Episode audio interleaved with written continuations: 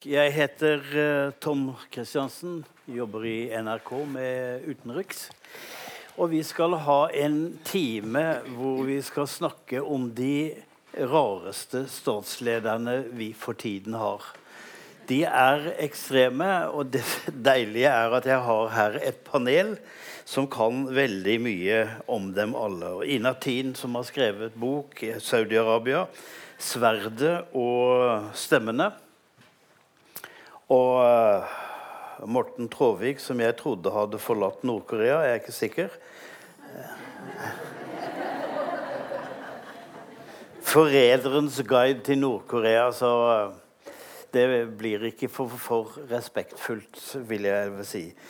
Og stor Tor uh, Steinhovden, det amerikanske marerittet. Vi har altså Vi skal se på disse tingene hver for seg og i sammenheng. Eh, men eh, Morten Kim. Den siste. Den nåværende. Ikke de døde. De kan vi snakke om etterpå. Eh,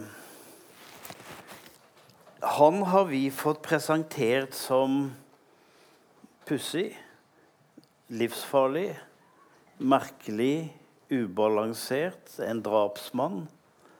Eh, hvordan ser han ut fra den andre sida? Og hvem er han? Uh, ja, det, derom uh, fins det jo veldig mange uh, meninger. Uh, han er jo, i likhet med noe vi kanskje skal snakke mer om også utover i løpet av denne timen, han er jo en projeksjonsflate, ikke minst.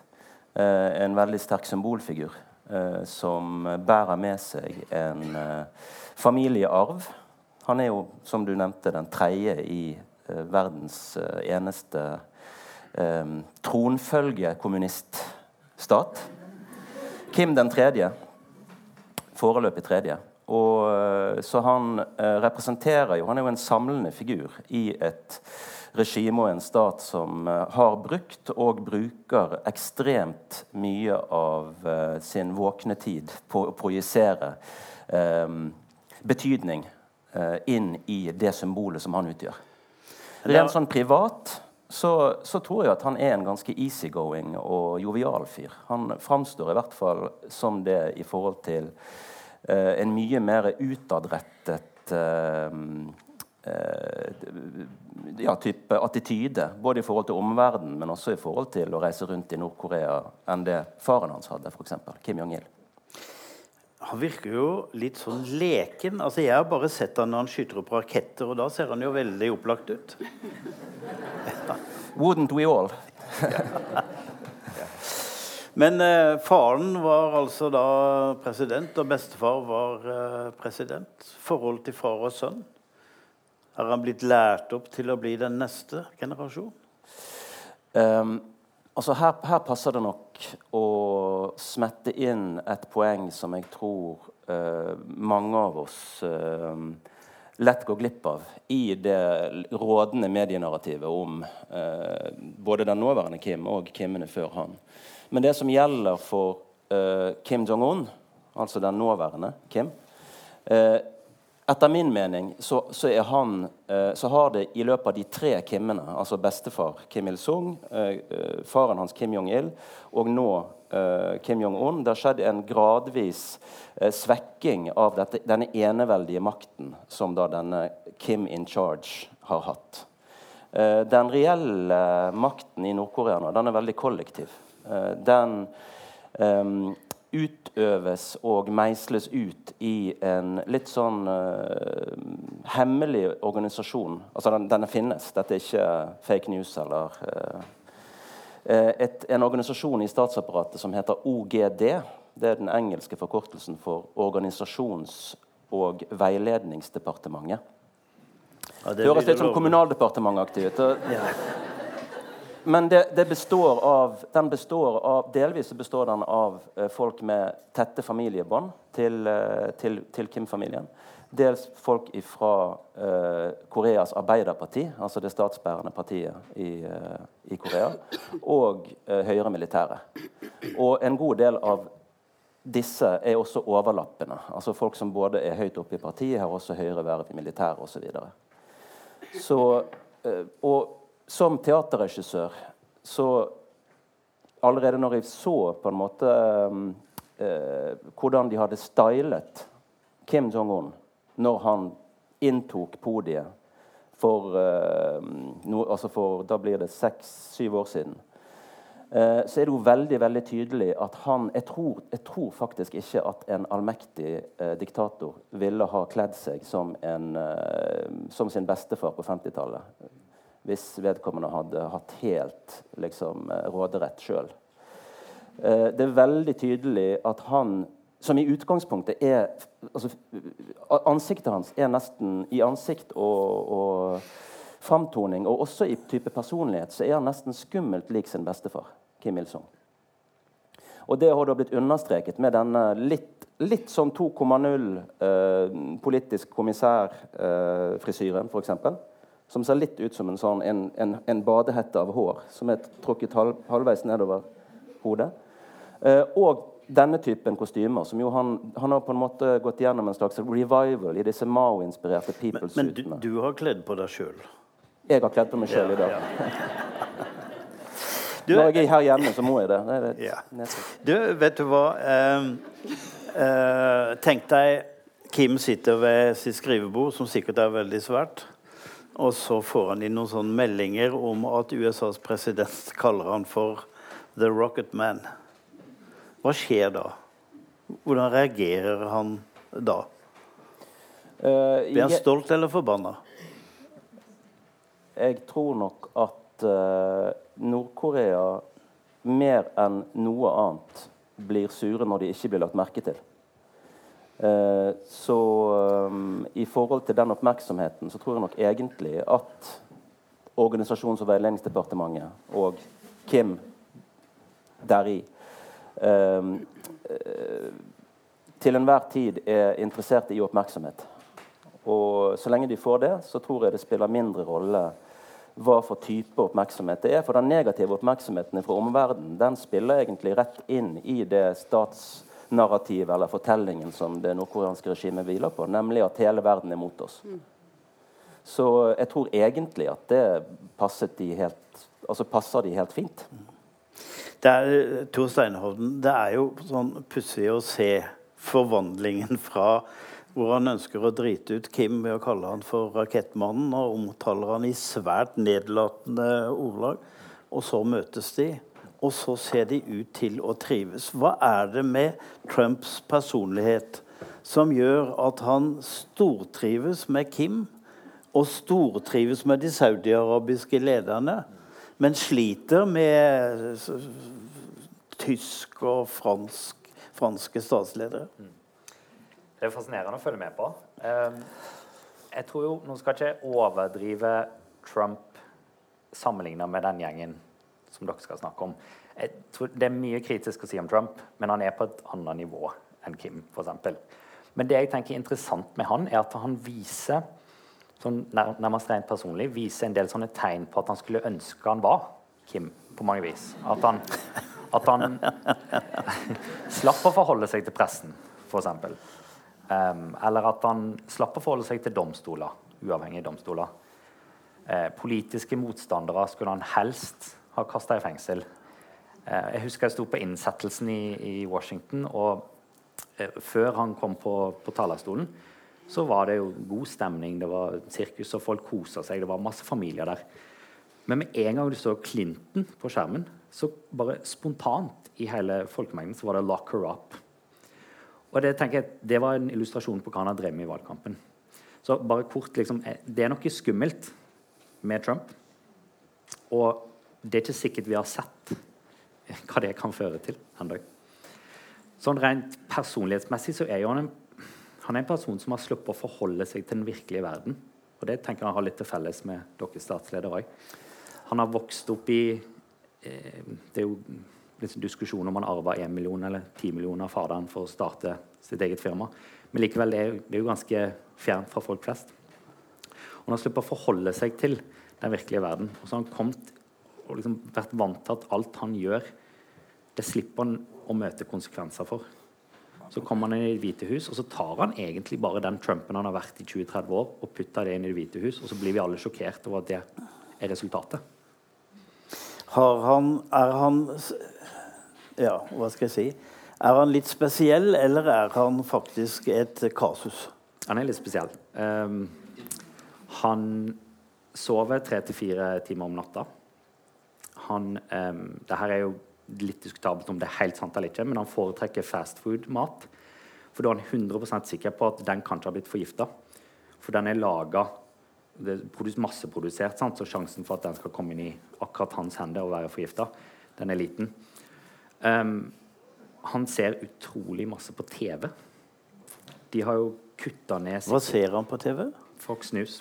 Veldig mye folk News. Det her er jo igjen rapporter, så vi skal ta det med en klype salt, men nå har det vært såpass mange av de. Det at den TV-en alltid står på i det vanlige kontor, uansett om det er møte eller ikke. Og de har kutta ned sikkerhetsbrifingen til veldig kort. A4-ark. Ryktet om at han fikk sånne presseklipp daglig som bare var skryteklipp. Og så kan du velge å tro eller ikke på om alt det er sant, men du ser det jo òg gjenspeila litt i væremåten hans utad. Det er jo nesten som han tror på de tingene han står og sier. med at Uansett hvor ille det går, så går det bra. Det går egentlig bra. Følg med her. sant? De skal bygge den voldsomme muren. Du kan? Du kan klatre opp til Mount Everest, og det er vanskeligere å komme over muren. Så jeg tror vi kan konstatere at han er ganske spesiell. Du, Morten, apropos TV. Det er en sånn morsom historie med Nord-Korea. at Når det er skjer et eller annet stort i Nord-Korea, så er den samme gamle dama hver gang som i stor begeistring forteller nyhetene.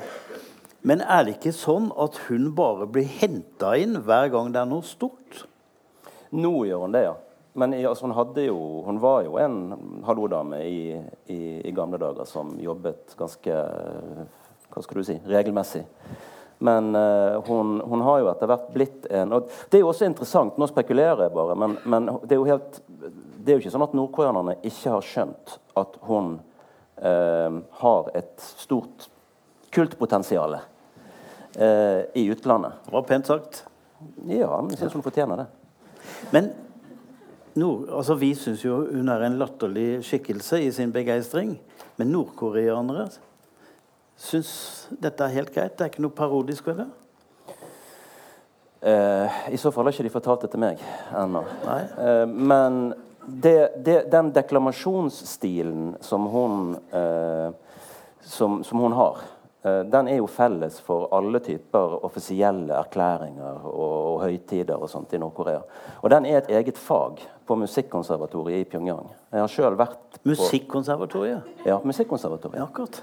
Eh, man lærer seg intonasjon og rytme. altså Veldig mye dette her er, er jo musikalsk, for så vidt. Eh, og betoning av ord osv. Så, eh, så det er jo en stilisert måte, type fremføring som eh, ganske riktig til og med, Du skal ikke lenger enn over grensen til Sør-Korea før folk rister på hodet og sier liksom at ja, men hva er dette her for noe? Men eh, det er jo heller ikke sånn at eh, det nordkoreanske regimet um, hele tiden tenker på om ting framstår som troverdige eller uh, kule eller uh, smakfulle. Poenget er jo at folk skal godta uansett uh, formen på et budskap.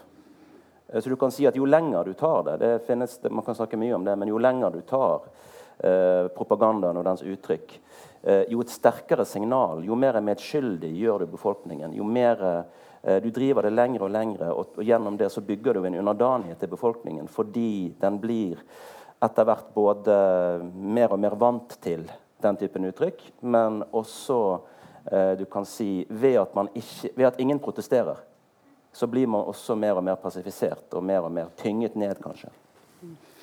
Inatin, eh, Saudi-Arabia.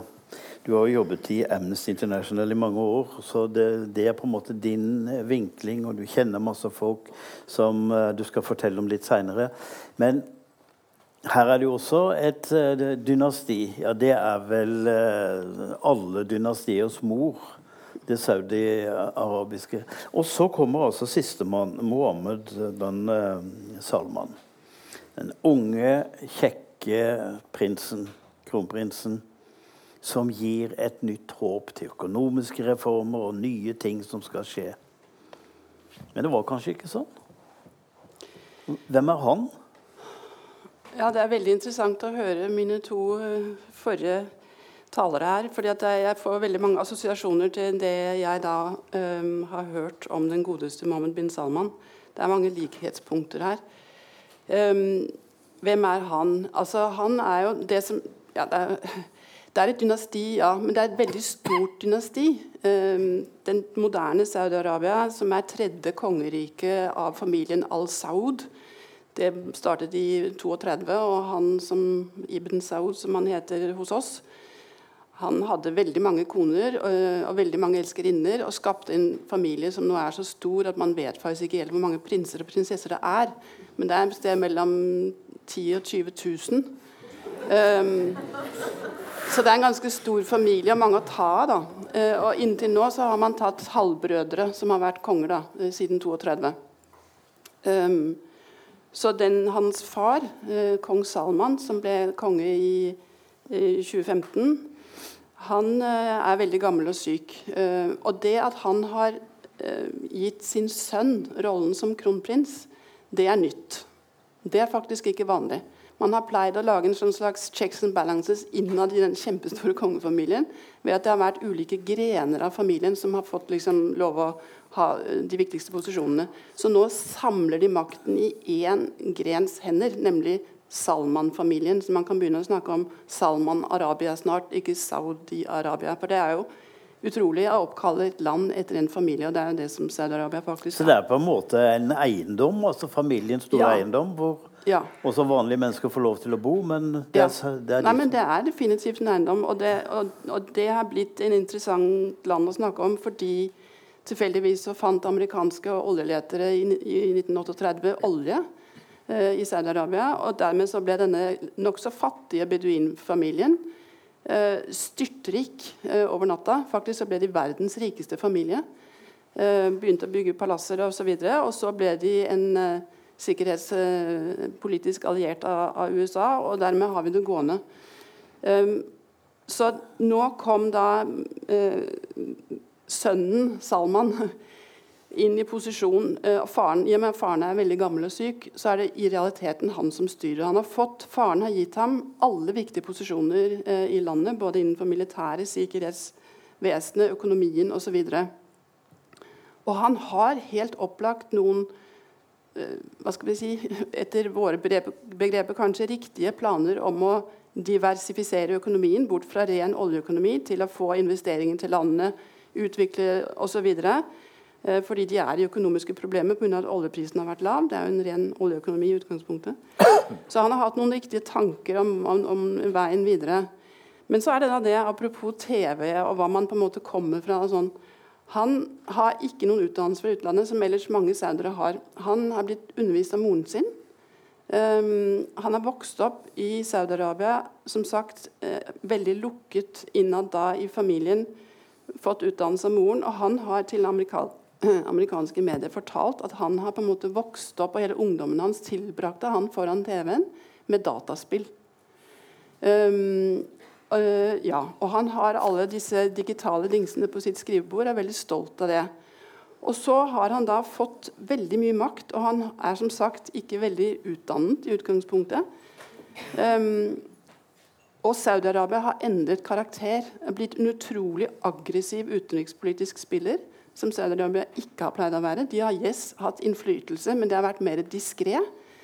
Det er han som står bak krigen i Jemen. Det er han som startet konflikten med Qatar. Det er han som bygger opp fronten mot Iran. Han er ganske uforutsigbar. Um, og det som er interessant, apropos jeg bare kom til å tenke på det du snakket altså den historien med, med, Jamal Khashoggi, denne saudiske journalisten som ble tatt av dage på konsulatet, det saudiske konsulatet i Istanbul Da det skjedde, så hadde, altså rett etterpå, så hadde Mohammed bin Salman en samtale med Kushner, altså svigersønnen til Trump.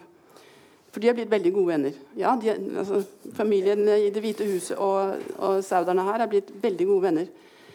Og da skal han etter sigende ha spurt kursene hvorfor i all verden er det så mye oppmerksomhet om denne saken med han fyren som ble drept. Liksom. Jeg skjønner ikke.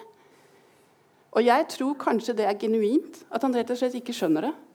Fordi han er oppvokst innenfor dette veldig lukkede systemet i en familie som har absolutt makt. Det er et absolutt enevelde som betyr at den familien kan gjøre hva de vil. De står over loven.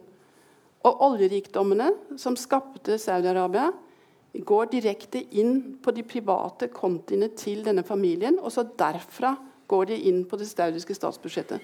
Så ja, de har veldig mye makt, for ikke å si all makt. Og jeg tror også det er en annen likhet, apropos litt sånn paranoide tendenser.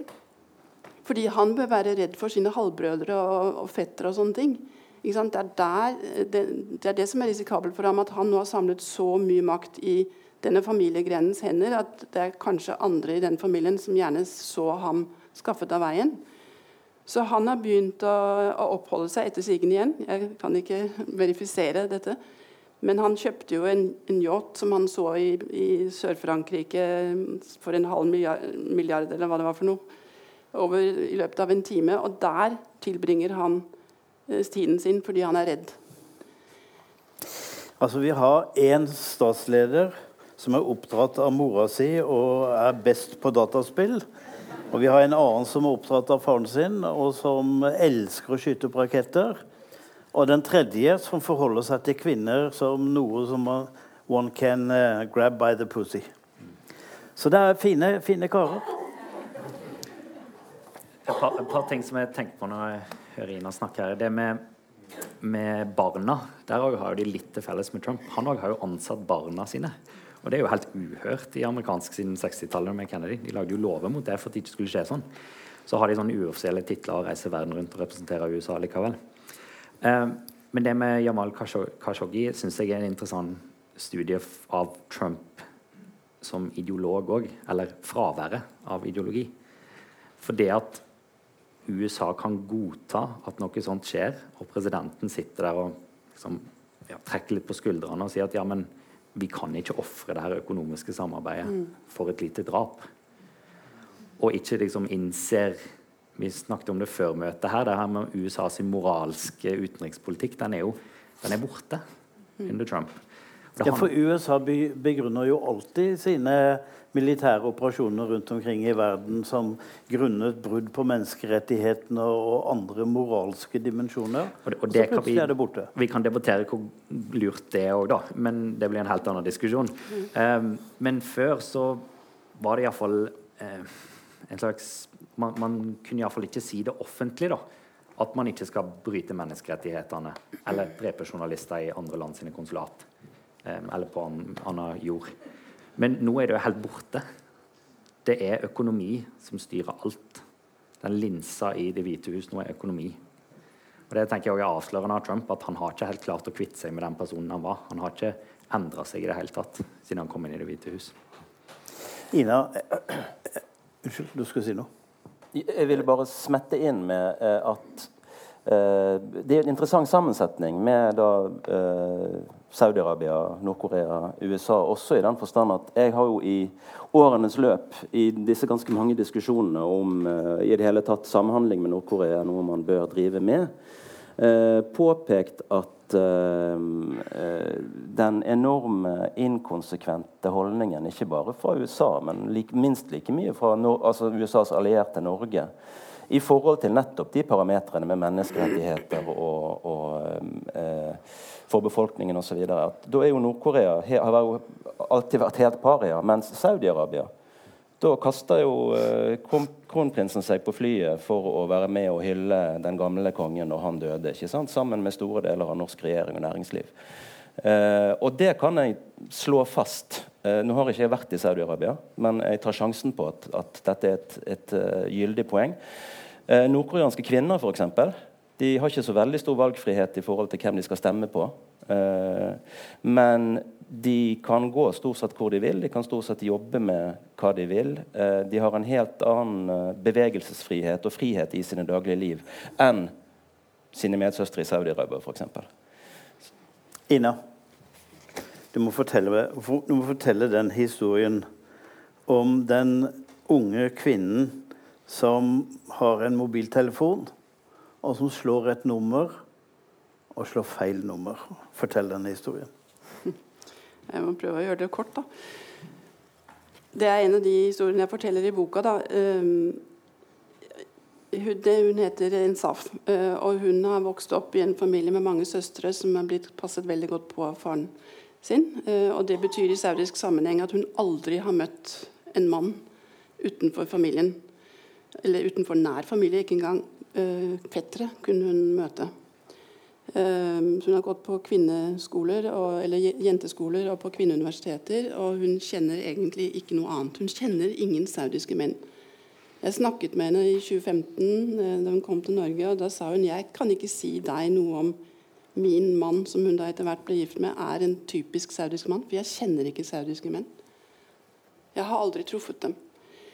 Altså, Hun kommer til å ringe feil nummer, og så er det en fyr som heter Raif, som, som, uh, som svarer i den andre enden. og Så blir hun veldig forfjamset, og så legger hun på. Og så fortsetter han å ringe tilbake, og hun blir mer og mer desperat og redd. Og setter mobilen på stille, for hun er redd for familien skal skjønne at det er en fremmed mann som prøver å ringe henne. Og Hun nekter å svare i seks timer. Han ringer og ringer og ringer, og til slutt blir nysgjerrigheten for stor. Så hun tar telefonen sier 'Du må ikke ringe meg. Jeg vet jo ikke hvem du er'. Uh, og, og, han vet ikke hvem hun er. Og han vet ikke hvem hun er. Og så sier han 'Nei, men jeg vil gjerne bli kjent med deg'. Og så begynner han å fortelle om seg selv. Og hun, som aldri har truffet en mann, hun syns dette er utrolig spennende. Uh, og, og, hun syns han er, virker veldig sympatisk, i motsetning til de få mennene hun kjenner fra før. Um, så det ender med at de snakker sammen på telefon en hel natt. Uh, og hun forteller ham om sitt liv, og han synger sanger for henne, og hun resiterer dikt. Og i det hele tatt. Uh, og når de legger på neste morgen, så er de forelsket. De har aldri sett hverandre. Men så skjer det et eller annet ved at hun skal få se han. Ja. Og han går forbi vinduet. Fortell om det. De arrangerer med fordi de kan jo ikke møtes. Det er helt, helt ulovlig. Og hvis familien hadde skjønt at hun hadde snakket med denne fremmede mannen en hel natt, så ville helvete brutt ut. Så hun var veldig nervøs. Men han insisterer på at han syns de skal prøve å møtes. Og så gjør de det på den måten at han skal gå forbi huset på et eller annet gitt tidspunkt. Og da skal hun trekke så vidt fra gardinet på rommet sitt, sånn at han kan se henne og hun kan se ham. Men så blir hun så opptatt av at hun skal ta seg ut best mulig. Og hun er dessuten veldig nervøs, da, så hun tar av seg brillene for liksom å få den riktige profilen. så akkurat det lille sekundet han går forbi på gata, så ser hun ingenting. Men denne historien ender altså med altså Det blir opprør, for han ber om hennes hånd. Ja. Og faren er opprørt over det. Veldig. Men så blir de gift, ja. og så starter han en blogg. Og så kan vi resten av historien. Han er nominert til Nobels fredspris, sitter fengslet. 1000 piskeslag. Det var det ekteskapet. Du gir et bilde i den boka di av, av et eh, samfunn som er nesten utrolig. At at det, lar seg gjøre. Men du gir jo også masse eksempler på kvinnenes rolle som jeg ikke var klar over. Altså, alle kvinner har en verge. Mm. Ja, kvinner blir betraktet som mindreårige altså rent eh, altså i lovgivningen eh, hele livet. De trenger en mannlig, nær slektnings tillatelse til å ta alle viktige beslutninger i livet. Eh, og Det har vi jo fått demonstrert nå for ikke så lenge siden. Hun som prøvde å flykte til, til Thailand, eller altså ble stoppet der. At bevegelsesfriheten altså Kvinner kan ikke reise utenlands uten familiens godkjenning. og De kan ikke gifte seg, og de kan ikke ta utdannelse eller få visse typer helsehjelp. eller i det hele tatt gjøre ting da uten enten ektemannens, farens eller brorens uh, tillatelse. I noen tilfeller, hvis ikke de har verken en far eller en bror, så er det sønnen som blir kvinnens verge. Uh, og Det er jo det som er det store problemet i Saudi-Arabia fremdeles. Så vi kan være veldig glad for at kvinner nå får lov å kjøre bil. Men, hvorfor, hvorfor, har det med å kjøre bil blitt en sånn kjempesak som om det skulle dreie seg om verdens største menneskerettighet? For veldig mange altså- diskusjoner kretser rundt omkring det. Jeg tror det er, en, det er mange grunner til det, men jeg tror at det på en måte var en symbolsak som noen modige kvinner tok opp fordi den var avgrenset, og den kunne kanskje vinnes. Å begynne å tale mot selve vergesystemet ville være altfor radikalt. Så de begynte med noe som på en måte virket som det kunne være oppnåelig. Um, Uh, og så er det også det rett og slett i kvinners hverdag at det er ekstremt uh, problematiserende. Det gjør at de faktisk ikke kan komme seg ut i det hele tatt, for det er ikke mye offentlig transport i Saudi-Arabia. Og der kan de jo heller ikke selvfølgelig uh, bevege seg hvis ikke det er rene kvinnetaxier eller, eller kvinnebusser osv. Så, videre. så det er ekstremt hemmende for kvinners deltakelse i samfunnet at de ikke kan bevege seg utenfor hjemmet hvis ikke de har en privatsjåfør. Uh, og det var jo det kvinner da uh, det er det kvinner har hatt inntil nå. Så jeg tror at det var det som på en måte var grunnen til at man tenkte vi må prøve på en måte å sette i gang noe. Og så ble denne kampanjen 'Woman to Drive' veldig viktig. Og de kvinnene som da sto i front i den kampanjen, de ble jo paradoksalt nok alle sammen arrestert rett før forbudet mot kvinnelig bilkjøring ble opphevet i Saudi-Arabia i fjor. Så og stilt for en terrordomstol? Ja, nei, de er ikke stilt for noen domstol ennå. Men de er blitt portrettert i altså, kongetro media som uh, forrædere av landet. Uh, fordi de da har stått opp for kvinners rettigheter. Så signalet kongehuset sender, er at vi kan gi kvinner retten til å kjøre bil fordi det passer vårt økonomiske prosjekt om å få kvinner inn på arbeidsmarkedet. Men du kan ikke kjempe for dine rettigheter. Det er farlig. Må de, må de ha med verge når de skal kjøre bil, eller kan de kjøre alene? Nei, det er jo en av de paradokser. De kjører med migrantarbeidere som kommer fra altså, India, Bangladesh osv. De betraktes simpelthen ikke som på en måte farlige objekter. Det er interessant, fordi de ikke er saudiske. Så, så kvinnene kjører med fremmede menn som sjåfører. Uten verge. Det høres veldig risikabelt ut. Åssen er det i Nord-Korea? Kan kvinnene kjøre bil i Nord-Korea? De har kanskje ikke bil? Ja, der sa du det. Det er, det er på en måte ikke et fullt så aktuell problemstilling. Eh, de kan sykle. Eh, de kan gå.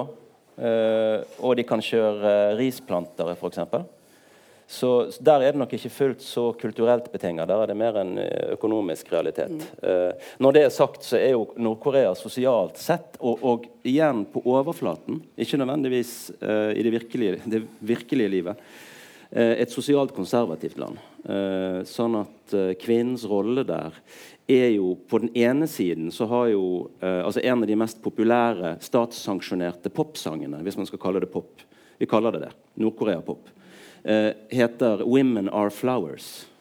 Eh, og det er veldig mye sånn den typen framstilling av kvinnerollen som noe yndig og litt eterisk. Og, altså, ja, eh, ganske retro, kan du si. Men samtidig som Sam, samtidig som uh, den økonomiske virkeligheten i dagens Nord-Korea Og dette er det mange, tror jeg, som ikke er klar over. Det er jo at den, altså, Markedskapitalismen den er på full fart inn i Nord-Korea på grasrotplan. Og de som står i spissen for den utviklingen og uh, Hvis dere leser min bok, så finner dere ut mer om det. Uh, det, er, det, er, kvinnene.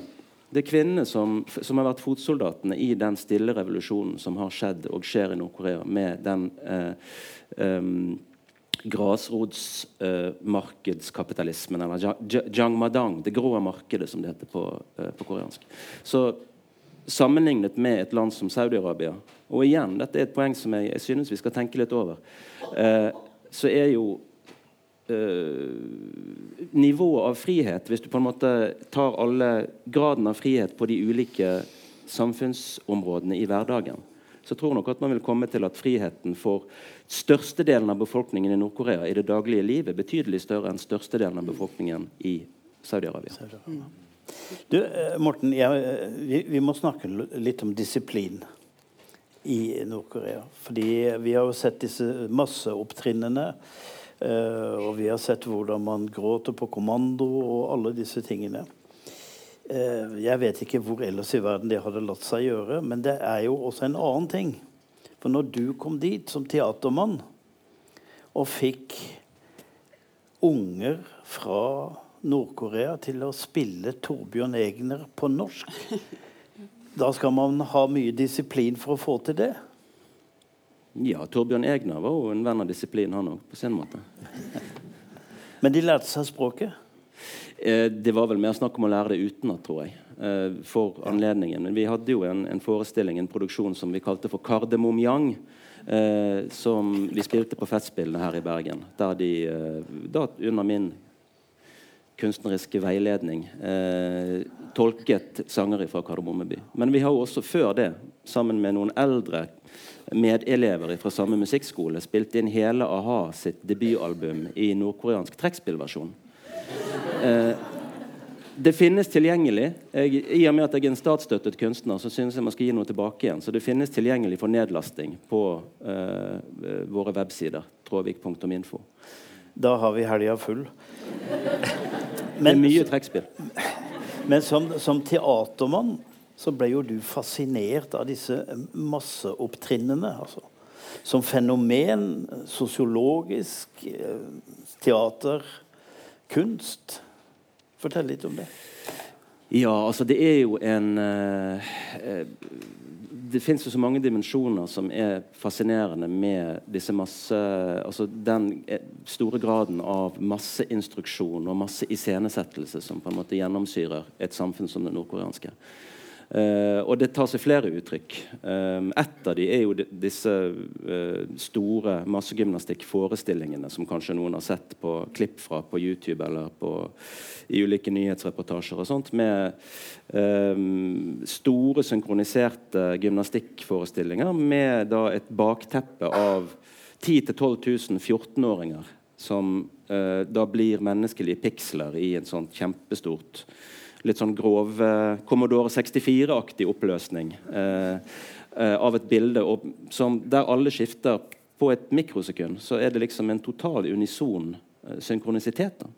Som, eh, som, jo er både skremmende og imponerende. Og uh, akkurat den ambivalensen der er jo jeg veldig fascinert av. Som, I forhold til det kunstneriske blikket.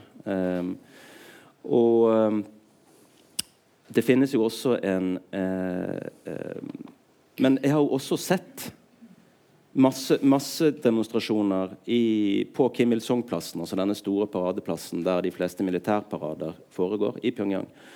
Der folk står Der, der, det står en, en 100 150 000 eh, Pyongyang-innbyggere og, og skanderer liksom ned med USA og store leder bare si bare gi oss beskjeden, vi er klar, og taktfast osv. Med alle disse her eh, propagandaskiltene plassert ut på forskjellige steder i befolkningen. Eller altså i, i hele denne settingen. Eh, og, og, med full eh, hornmusikk og militærparader og sånt. Men så, så, er det slutt, og så pakker alle sammen og går hjem. Og den eh, den kontrasten Jeg er veldig glad for at jeg har vært med og sett de ti minuttene etter at forestillingen er over. For det går veldig fort å pakke sammen og gå hjem. Da, liksom, da tar folk fram sine handleposene sine og uh, pakker disse her store um, Ganske sånn imposante slagordskiltene, som jo er liksom 15 meter i lengden og kanskje to i, i, i høyden. De står egentlig på noen sånn ganske gebrekkelige stativer med hjul på. Så da går det noen sånn vaktmesteraktig fyr med et sånn kjempeslagord eh, trillende bortover eh, gatene. Så det får også et veldig um, Det er en veldig tydelig eh, anskueliggjøring i at alle er, alle er, jo selvfølgelig med og demonstrerer. Men jeg, jeg tror ikke at alle nødvendigvis tar det veldig alvorlig hele tiden. Det er det som er det man gjør for å vise den nødvendige graden av lojalitet som, som kreves. Men veldig få, uh, i hvert fall av de nordkoreanerne jeg har hatt å gjøre med, gjør spesielt mye mer enn det de må.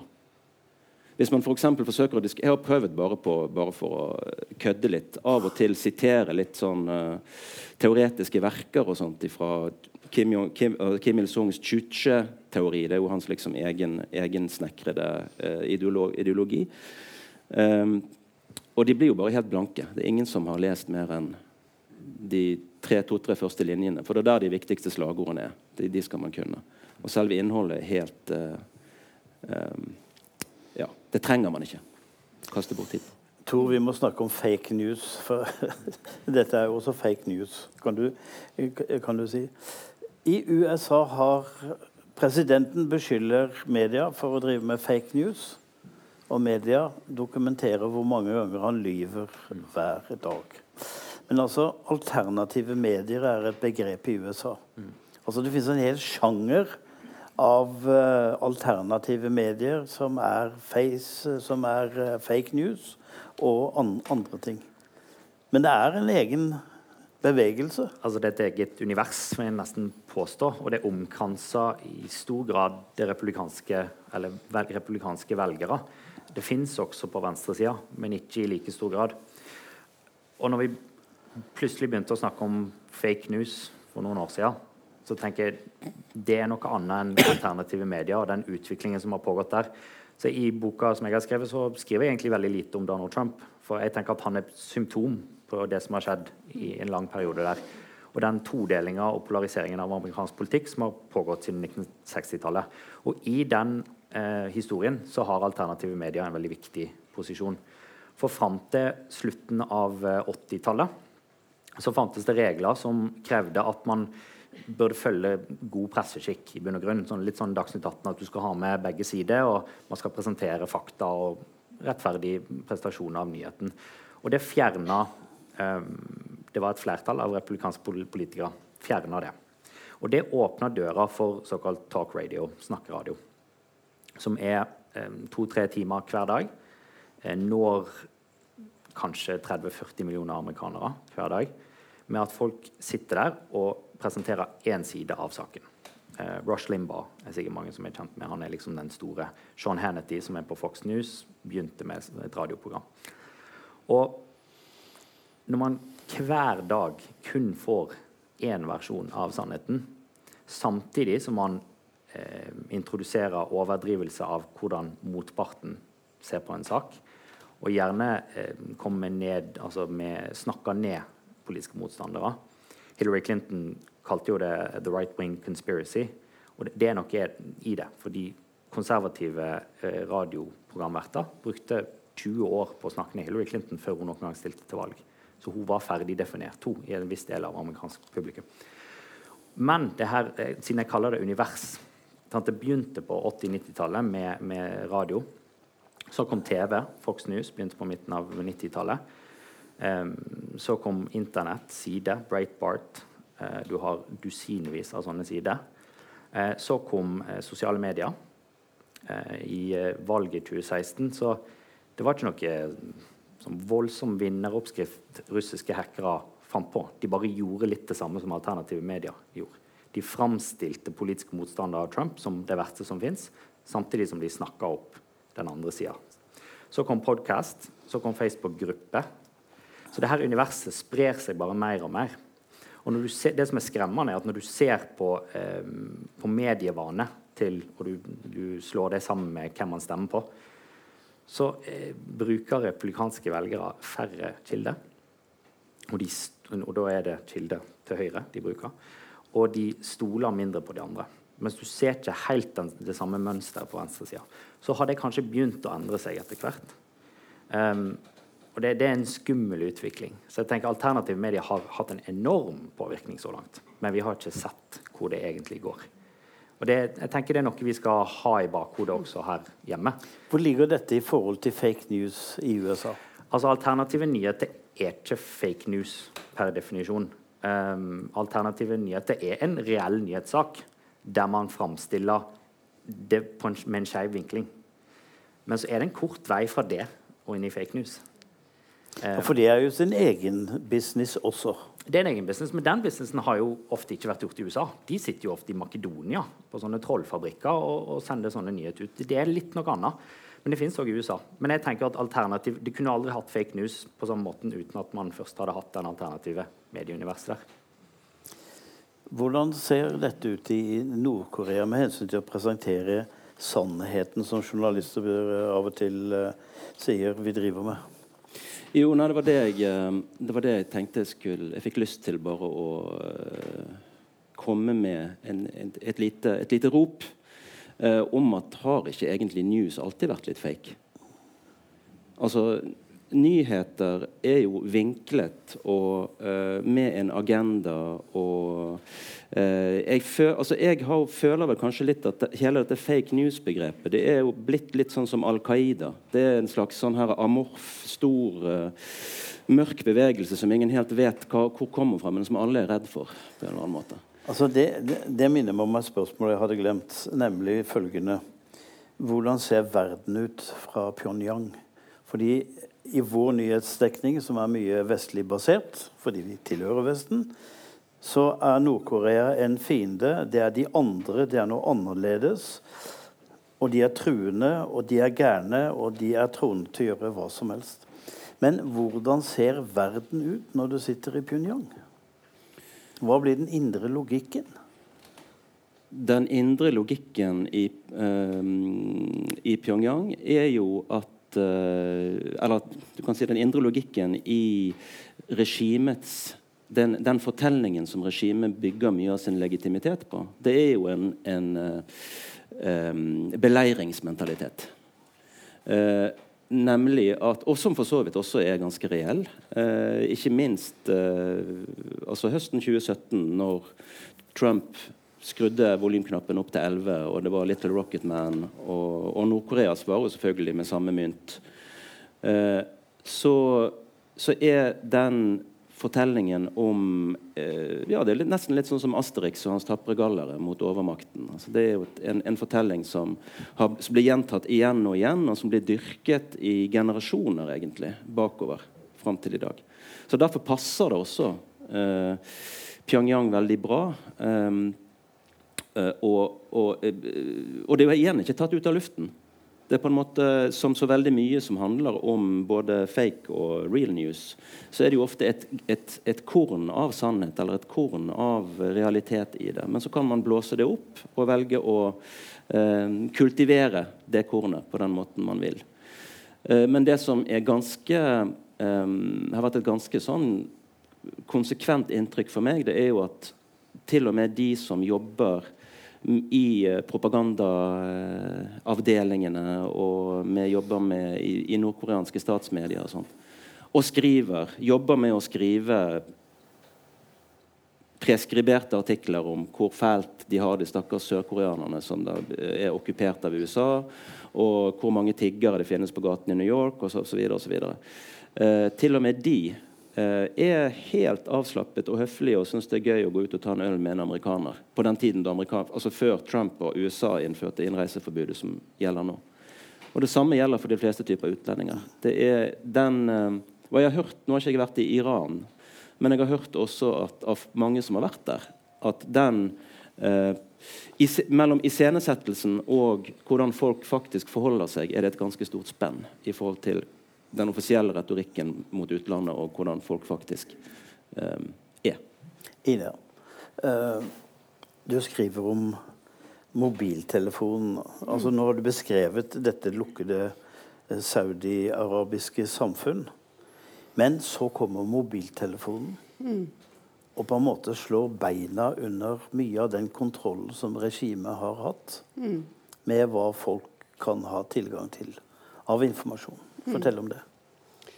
Ja, det kom, altså Internett kom til Saudi-Arabia i år 2000, og det var på mange måter en revolusjon. Fordi at sauderne plutselig kunne se at folk levde på en annen måte og eh, hadde tilgang på et annet sosialt liv osv. Eh, andre steder. Og de begynte å ta kontakt med hverandre via sosiale medier.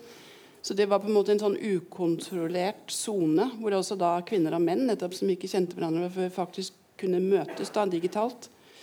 Um, men, men det, er, altså, altså det, har virkelig skapt en enorm på en måte, lengsel etter frihet.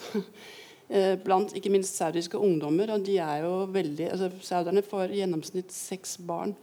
Eh, hver eh, kvinne får det. sånn at det er en veldig voksende ung befolkning. Um, og de er frustrerte, og de er arbeidsløse. i det hele tatt, sånn at på en måte hele den kunnskapen om hva som skjer utenfor det samfunnet, har skapt et veldig sånn spenning eh, innad. Eh, men det er jo også blitt en sone som nå da overvåkes eh, av folk. Eh, det, du er veldig sårbar i sosiale medier hvis du da trår feil. Hvis du sier noe som blir oppfattet som kritikk eh, av regimet, eller kommer da med krav som myndighetene ikke vil innfri osv. Så sånn det er veldig mange som har brukt sosiale medier, som har brukt Internett, som har lagt, laget blogger osv., som virkelig er blitt straffet veldig hardt. Uh, og sånn som situasjonen er nå, så er selv de som ikke altså, Du skal ikke ha sagt noe kritisk nødvendigvis overfor myndighetene før du kan bli tatt, men du kan bli tatt for ikke å ha vist lojalitet. Hvis du har store følgerskarer på Twitter, Twitter er veldig veldig viktig i Saudi-Arabia. Det er liksom der den politiske debatten går, og det er der kvinner deltar også veldig mye. Det er noen religiøse ledere som har, og også for så vidt andre ikke-religiøse ledere, som har ekstremt mange 15-20 millioner følgere på Twitter. Uh, og de får telefoner fra myndighetene om at nå må du vise lojalitet overfor vår konflikt med Qatar. Hvis du ikke gjør det, så og så hvis de da ikke gjør det, så har de faktisk blitt arrestert. Så det på en måte å forholde seg taust i forhold til myndighetenes politikk eh, er eh, veldig farlig. Så Internett har skapt en, også en, en, en risiko eh, pga. systematisk overvåkning som foregår. Og så er jo Saudi-Arabia et land uten en, eh, et sivilt samfunn. Altså, ja. Ikke kino, teater, ikke noe sånt. Jo, det kommer nå, da. Det, det er jo en del av oppmykingen. Ja, ja. Så nå skal Men altså, det har, det har vært et samfunn uten frivillige organisasjoner, uten alt det vi ja, tar for gitt, som er hverdagen vår. Ja, det er forbudt. Altså, det finnes jo ikke politiske partier, det finnes ikke fagforeninger.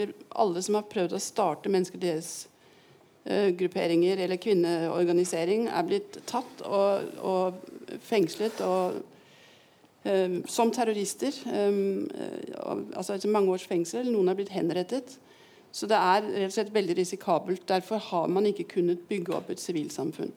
Men jeg, kan jeg bare, det er veldig lyst til å kommentere noe som du sa litt på starten. fordi jeg er veldig enig i at det er paradoksalt, liksom det bildet vi tegner av Når jeg sier vi, så tenker jeg Vesten. da, eh, Av Nord-Korea eh, i forhold til det vi tegner av eller har, på en måte, hvordan vi har akseptert da, Saudi-Arabia. Eh, og det er på mange måter ja, verre på noen altså Det kommer an på hvilke parametere du, du, tegner eller måler ut fra. Men altså det er vi, Saudi-Arabia, er avhengig av omverdenen. Saudi-Arabia er veldig sårbar eh, fordi de trenger investeringer til landet. Hvis vi eh, hadde satt ned foten i forhold til f.eks. For behandlingen av kvinner, latt være med å selge våpen, Saudi-Arabia er en av verdens største importører av våpen. De våpen, eller kjøper våpen fra omtrent alle Nato-land. Eh, hvis vi hadde sagt at det er visse standarder som må gjelde hvis vi skal handle med dere, så hadde vi faktisk kunnet påvirke situasjonen i Saudi-Arabia positivt. Men det gjør vi ikke. Det er en unnfallenhet når det gjelder kritikk av Saudi-Arabia som er påfallende. Og selv etter de veldig liksom, sånn, sterke reaksjonene som kom på denne saken med drapet på Khashoggi, så er det business as usual. Og det er forstemmende. Men to, det er, jo, det er jo sånn også, vi var så vidt inne på det, i, i USA at uh, brudd på menneskerettighetene er begrunnelse for å gå til, til å straffe noen her og der i verden. Men hvis det plutselig dreier seg om penger og Saudi og akkurat de bestemte tingene som du trenger våpenhandel med, mm. så spiller det ikke noen rolle hvilken agenda de har på menneskerettigheter. Ser det ut sånn? Det er jo, sikkert, det er jo ulike skoler innen begge partier på akkurat det her med, med neoconservatism og hvor ofte man skal gå ut og redde verden og være verdens politi. Eh, I Trump-administrasjonen så virker det som at man skal holde seg hjemme uansett. Eh, det hadde jo vært en idé. Noen vil jo påstå det. Um, men det skaper jo òg en verden der de fleste er litt mer alene. Da. For et lite land som Norge så er det noen ja, Jeg vil argumentere for at det er en fordel å ha et USA som støtter opp om multilaterale organisasjoner. Det gjør jo ikke denne administrasjonen her, så det blir noe annet. Men det er noe helt spesielt forhold, virker det som, mellom Saudi-Arabia og denne administrasjonen. Mm. Selv om det ikke har vært kaldt før, akkurat, så har det vært litt kaldere, litt kjøligere under Obama. Absolutt. Og det kommer vel ikke til å endre seg med det første. Men det er jo også ganske spesielt Ina, at Norge har et såpass godt forhold til Saudi-Arabia. Vi som er så prektige og så opptatt av andres prektighet. Mm. Ja, det er noe av det som eh, jeg har sagt en del om, i forhold til, ikke minst oljefondet. hvor vi nå er gått eh, inn i Saudi-Arabia og investerer i selskaper som bidrar til overvåkning av menneskerettighetsaktivister som blir dømt som terrorister. Så ja, man kan godt uh, stette kritiske spørsmålstegn ved, med måten vi Altså, Én ting er utenrikspolitisk, da er vi liksom på, en måte på den pene linjen i FN-sammenhenger og sånn, men så i vår finanspolitikk så går vi da inn, selv om vi har etiske retningslinjer for oljefondet, og investerer i brudd på menneskerettighetene. Så det er, eh, vi bør se på vår egen eh, måte å håndtere dette på. Det er interessant at hvis du er norsk forretningsmann i Saudi-Arabia, så er jo det en grei sak.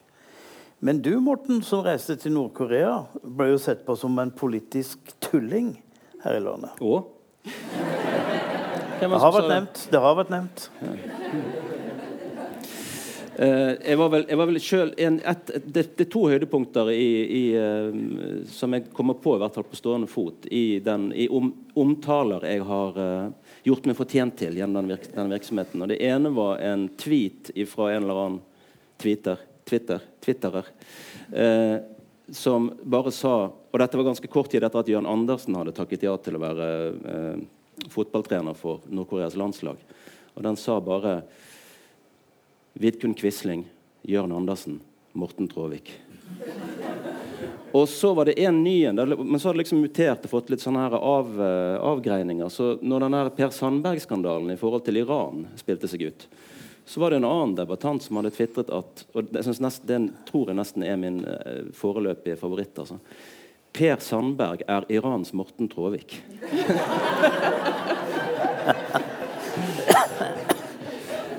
Og da begynner vi å nærme oss kunst, vil jeg si. Ja.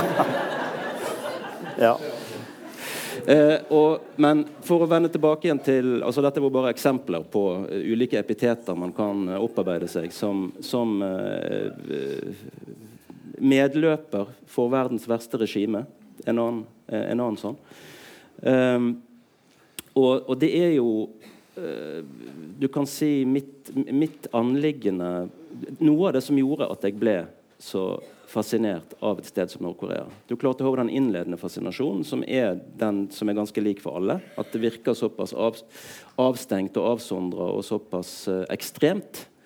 Um, men etter hvert som jeg da altså Allerede første gangen jeg var der, så var det jo en klar um, diskrepans mellom både det bildet regimet sjøl ønsker å projisere, uh, som jo er at det er det beste landet i verden, eh, og det narrativet som vi stort sett er vant til, nemlig at det er et av de verste landene i verden. Og mellom de to narrativene så er det et stort, kjempestort, uh, grått område som er veldig spennende å utforske. Og uh, en av de F.eks. en av de første sånn um, inntrykkene jeg fikk i forhold til uh, at dette er, er, jo et land som ikke kunne vært et, et en trussel mot verdensfreden om de så hadde villet, det er jo at du kjører ti minutter med en uh, minibuss, den minibussen du har fått tildelt, uh, og sjåføren din, uh, ut av det aller liksom, pump pumpeste og praktigste Kim Il-sung Square, Kim Il-sung-plassen og alle monumenter og sånt. kommer du ti minutter ut av byen, og der sitter folk og der går geitene og beiter i midtrabatten, og folk sitter og vasker klærne i, elve, altså i elven i mars måned. Vi har bare noen minutter igjen, så la meg stille et siste destruktive spørsmål til alle tre. Når bryter alt dette sammen? For, forhåpentligvis, forhåpentligvis, aldri. Uh, det er egen, dette, er en, en, dette, er også en, fake news, eller fake attitude, at uh, noen som helst har interesse av at Nord-Korea skal bryte sammen. For det er det egentlig ingen som vil. Vel, de aller fleste, både store og små aktører i regionen, vil ikke noe mer enn status quo. Tor, nå bryter USA sammen med den presidenten de har, eller eventuelt bare han. Ja, kanskje spørsmålet om han bryter sammen først. Det er kanskje før 2020. Hvem vet? Det kommer snart en uh, rapport fra en spesialetterforsker. Når det gjelder landet, så er jeg veldig bekymra for den, de to, den todelingen som har pågått så lenge nå.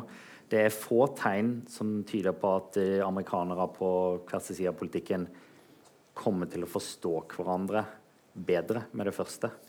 Men kanskje kommer det en tredjepartikandidat som kan redde det her. Kanskje får de valgreform som kan redde det her. Kanskje får de penger ut av politikken. Så det fins nok mer håp for eh, at det skal overleve i At det skal gå bedre i USA. Men boka mi heter 'Det amerikanske marerittet', så jeg er litt skeptisk. Ina, hvor mange saudiarabiske prinser må det til før det bryter sammen? Hvis de klarer å holde freden innad i huset, at ikke det eksploderer innad i kongehuset, um, så tenker jeg at altså, det handler egentlig om oss utenfor Saudi-Arabia. Hvis vi fortsetter å handle uh, og på en måte forholde oss til Saudi-Arabia som et uh, stabiliserende regime i Midtøsten, uh, og kjøper den dikotomien mellom Saudi-Arabia og Iran, så kommer de til å holde det gående. Eh, så blir det bare en ny prins, ikke Mohammed bin Salman, men en annen. Kanskje han blir drept, men, eh, men så tar en fetter over. Ine, Morten og Tor, takk for uh, samtalen. Takk til publikum. Bøkene fins nede til salgs.